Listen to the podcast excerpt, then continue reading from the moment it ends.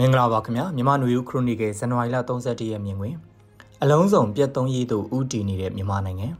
ဇန်နဝါရီလ31ရက်နေ့ညမှာစစ်ကောင်စီရဲ့အမိခံအနေနဲ့ဖွဲ့စည်းထားတဲ့ကာကွယ်ရေးနဲ့လုံခြုံရေးကောင်စီရဲ့နောက်ထပ်6လတက်တန်းတိုးကြောင်းကြေညာချက်ထွက်ပေါ်လာတာထူးခြားတဲ့ဖြစ်ရပ်အနေနဲ့အများစုကမြူးဆကြပေမဲ့မြန်မာနိုင်ငံအနေနဲ့အလုံးစုံပြတ်သုံးရေးကိုနောက်ထပ်ဦးတည်ချင့်ကပ်သွားနေပြီးငကူလန်းကျောင်းတွေကဘဲညာသို့မဟုတ် နောက်ပြန်လှည့်ခြင်းမရှိဘဲဒီမတိုင်ခင်ဆုံးဖြတ်ထားကြတဲ့ဥတီထားကြတဲ့အတိုင်းဆက်လက်ရွေ့ရှားနေကြတဲ့အနေအထားလို့ဆိုရမှာဖြစ်ပါတယ်။ဒီလိုစစ်ကောင်စီရဲ့6လတက်တန်းတိုးကြီးညာချက်မထွက်ပေါ်ခင်မနက်ပိုင်းမှာအမျိုးသားညီညွတ်ရေးအစိုးရနဲ့တိုင်းသားလက်နက်ကိုင်အဖွဲ့အချို့တို့ရဲ့ဆီယနာရှင်စနစ်ချုပ်ငင်းရေးနဲ့ Federal Democracy ပြည်ထောင်စုတည်ဆောက်ရေးအတွက် အတူတကွလက်တွဲတော်လှန်တိုက်ပွဲဝင်နေကြတဲ့အဖွဲ့များရဲ့ဘုံသဘောထားယက်တီချက်အားထုတ်ပြန်ကြေညာခြင်းဆိုတဲ့ထုတ်ပြန်ချက်တရက်ကိုကြေညာခဲ့ကြပါတယ်။ဘယ်တိုင်းရင်းသားလက်နက်ကိုင်အဖွဲ့တွေပါဝင်တယ်လဲဆိုတာတိတိပပရေးမထားပဲကြီးညာချက်ရဲ့အဆုံးသက်ဆက်သွယ်ရန်ပုံကိုအမည်တွေမှာ KNPP,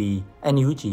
KNU, CNF တို့ကတာဝန်ရှိသူအမည်နဲ့ဖုန်းနံပါတ်တွေထည့်သွင်းထားတာဖြစ်လို့တိုင်းရင်းသားလက်နက်ကိုင်၃ဖွဲ့နဲ့ NUG တို့ရဲ့ကြီးညာချက်လို့ မှန်းဆကြည့်ရတာဖြစ်ပါတယ်။ထုတ်ပြန်ချက်ဟာသဘောထားကြီးညာချက်ဆိုတာထက်ရည်မှန်းချက်မျှော်မှန်းချက်လုပ်ငန်းစဉ်အဆင့်ဆင့်ကိုကြီးညာတဲ့စာတမ်းနဲ့ပုံမှုစင်တူတာဖြစ်ပါတယ်။ဆီယနာသိမ်းပြီး၃နှစ်ကြာတဲ့အချိန်မှာ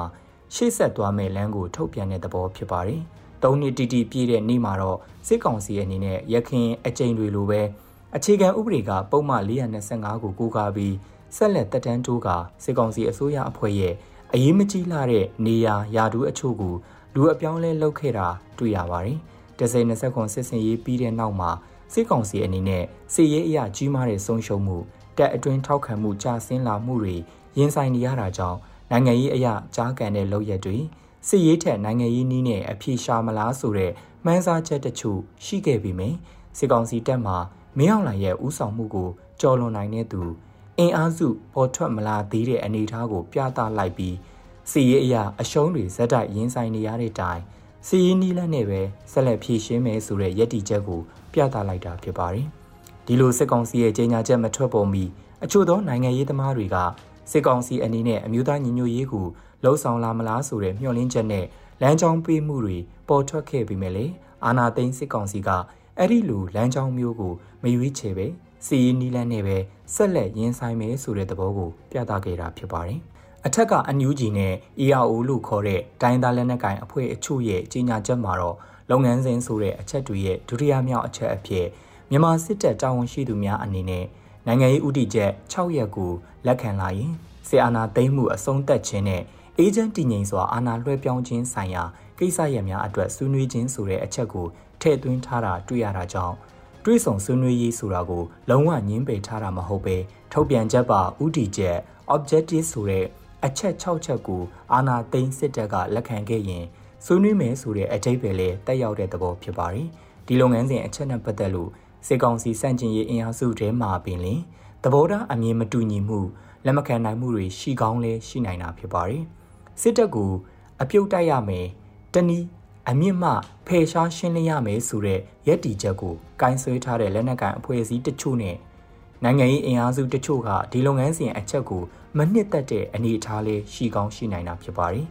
ဒါတွေကတော့စစ်အာဏာသိမ်း၃နှစ်ပြည့်မြောက်ချိန်စစ်ကောင်စီရဲ့သဘောထားရည်တည်ချက် EAO တချို့နဲ့ NUG ရဲ့သဘောထားရည်တည်ချက်တွေဖြစ်ပါတယ်။ဒီထုတ်ပြန်ချက်တွေအထဲမပါဝင်တဲ့လက်နက်ကိုင်အဖွဲ့တွေအများအပြားကြန့်ရှိနေတာလည်းဖြစ်ပါတယ်။ ရှမ်းမြောက်ရှမ်းတောင်နဲ့မြန်မာနိုင်ငံမြောက်ပိုင်းကချင်ပြည်နယ်ကလက်နက်ကိုင်အဖွဲ့တွေမွန်ပြည်နယ်ရခိုင်ပြည်နယ်တနင်္သာရီတိုင်းမှာရှိတဲ့လက်နက်ကိုင်အဖွဲ့အစည်းတွေစကိုင်းတိုင်းမကွေးတိုင်းတို့မှာရှိတဲ့ NUG လက်အောက်ခံမဟုတ်တဲ့လက်နက်ကိုင်အဖွဲ့တွေဖြစ်ပါတယ်။စစ်ကောင်စီအနေနဲ့လည်း၎င်းရဲ့ထိန်းချုပ်နယ်မြေစက်ခန်းနဲ့မြို့တွေတဖြည်းဖြည်းလျော့ပါလာနေပေမဲ့စီရေးလမ်းကြောင်းနဲ့သာဖြည့်ရှင်းမဲ့သဘောတိုက်ခိုက်ဖို့စိတ်တပိုင်းအရာအားနည်းလာနေတဲ့ စစ်တပ်ကိုဆက်လက်အမိန့်ပေးပြီးတော့တိုက်ခိုက်နေအောင်မဲ့သဘောမျိုးမြင်တွေ့နေရတယ်လို့ဒိုင်းသားလက်နက်ကိုင်အဖွဲ့တွေနဲ့နယ်မြေအလိုက်ဖွဲ့စည်းထားကြတဲ့ PDF အဖွဲ့အစည်းတွေကစစ်ရေးတိုက်ခိုက်မှုတွေဆက်လက်လှုပ်ဆောင်ကြမယ့်အနေအထားလည်းဖြစ်ပါတယ်။ဆီယနာသိမ့်ပြီး၃နှစ်တိတိပြည့်မြောက်တဲ့အချိန်မှာရရှိခဲ့တဲ့အစိုးကောင်းတွေကိုပြန်တွေးကြည့်ရင်အစိုးကများနေတာဘယ်သူမှအငင်းပွားကြမယ်မထင်ပါဘူး။ဆီယနာသိမ့်မှုကိုနိုင်ကဒုက္ခတွင်တဲ့ပฏิပက္ခတွင်တဲ့ အလုံးစုံပြတ်သုံးမှုတွေကိုတက်ဆင်းခြင်းဖြစ်နေပြီးတော့ဒီဒုက္ခတွင်အလုံးစုံပြတ်သုံးခြင်းကနေလွန်မြောက်ဖို့သို့မဟုတ်ထွက်ပေါက်ရဖို့နီးလန်းကရှာဖွေစေသို့မဟုတ်မျှော်မှန်းချက်တစ်ခုနဲ့ကြိုးပမ်းနေစေဖြစ်ပါတယ်။ဆယ်စုနှစ်ချီကြာရှည်လာတဲ့ပြဿနာအဟောင်းတွေကိုဖြေရှင်းရင်းပြဿနာအသစ်တွေပုံမှုရှုပ်ထွေးတဲ့ပြဿနာတွေပေါ်ထွက်လာတာမျိုးမဖြစ်ဖို့လေတတိပြုကြရမယ့်အနေအထားလေးဖြစ်ပါတယ်ခင်ဗျာ။